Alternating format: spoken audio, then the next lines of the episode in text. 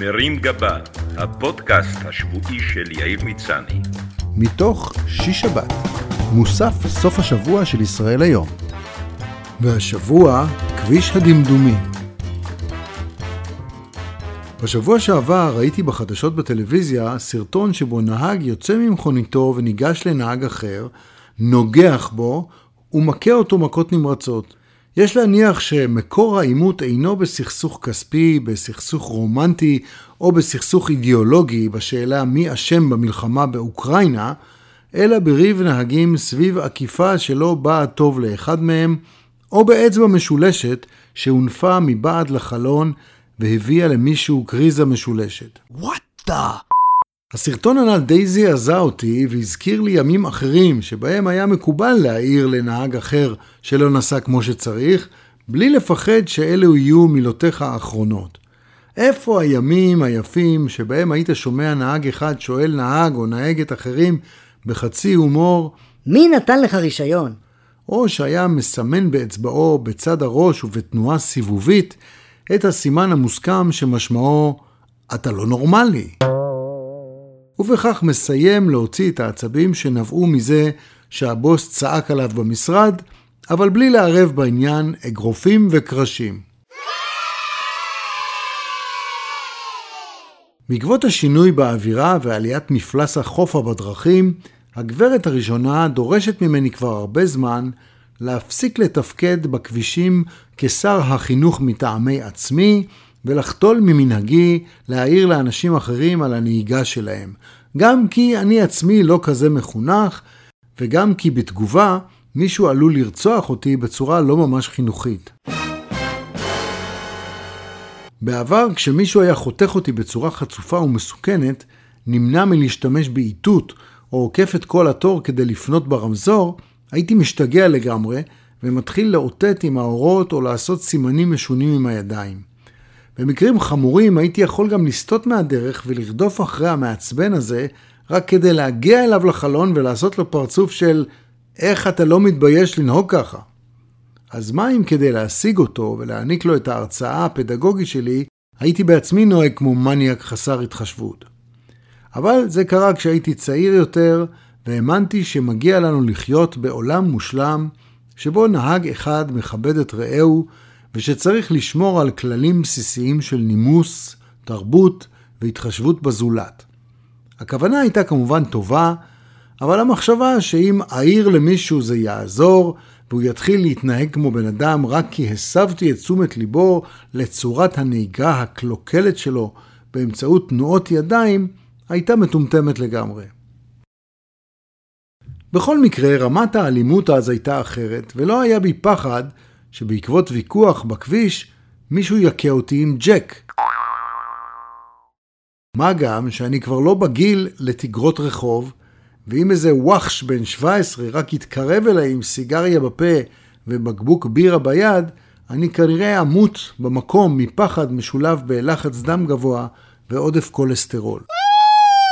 כדי לאפשר לנהגים להמשיך לפרוק את אשר על ליבם, אבל להקטין את הסיכוי שזה ישנה את יעד הנסיעה שלהם למחלקת פגיעות גפיים בבלינסון, ומכיוון שהדפוס של מריבות הכביש הוא די קבוע, אני מציע להכין מבעוד מועד שלטים קטנים, שאותם תוכל להרים מול הנהג הפרוע שלידך, בלי צורך בפתיחת החלון או ביציאה מהרכב. הפתקים יכללו טקסטים בסגנון אתה נוסע על שני מסלולים, אתה נוסע בזיגזגים, אתה נוהג כמו שמוק. תפסיק להסתכל בטלפון. אז מה אם קיבלת הודעת וואטסאפ בקבוצה סוכות ממשפחת שמוק?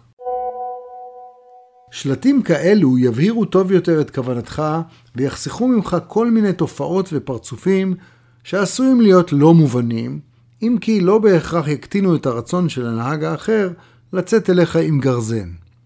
העובדה שכשאנחנו נוהגים בחו"ל אנחנו לא מתעסקים בדרך כלל עם נהגים אחרים, מעלה תהיות. האם הסיבה היא ששם לא נוהגים בצורה ברברית? תלוי איפה. יש מדינות גרועות מאיתנו בהרבה, אבל נראה אותך מנסה להסביר לנהג מצרי או הודי שהוא אידיוט בצורה שתהיה גם מובנת וגם מעליבה מספיק עבורו.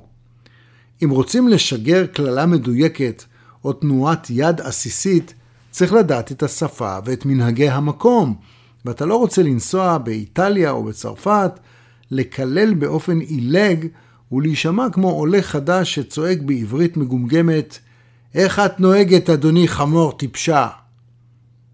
אפשר לנסות לגייס את הטכנולוגיה לעזרתנו, אם כי זה לא ייראה משכנע אם באמצע ויכוח סוער עם נהג, תבקש ממנו לחכות שנייה עד שתמצא קללה מתאימה ב Google Translate. לחילופין, אפשר לבקש מסירי לקלל אותו במקומך.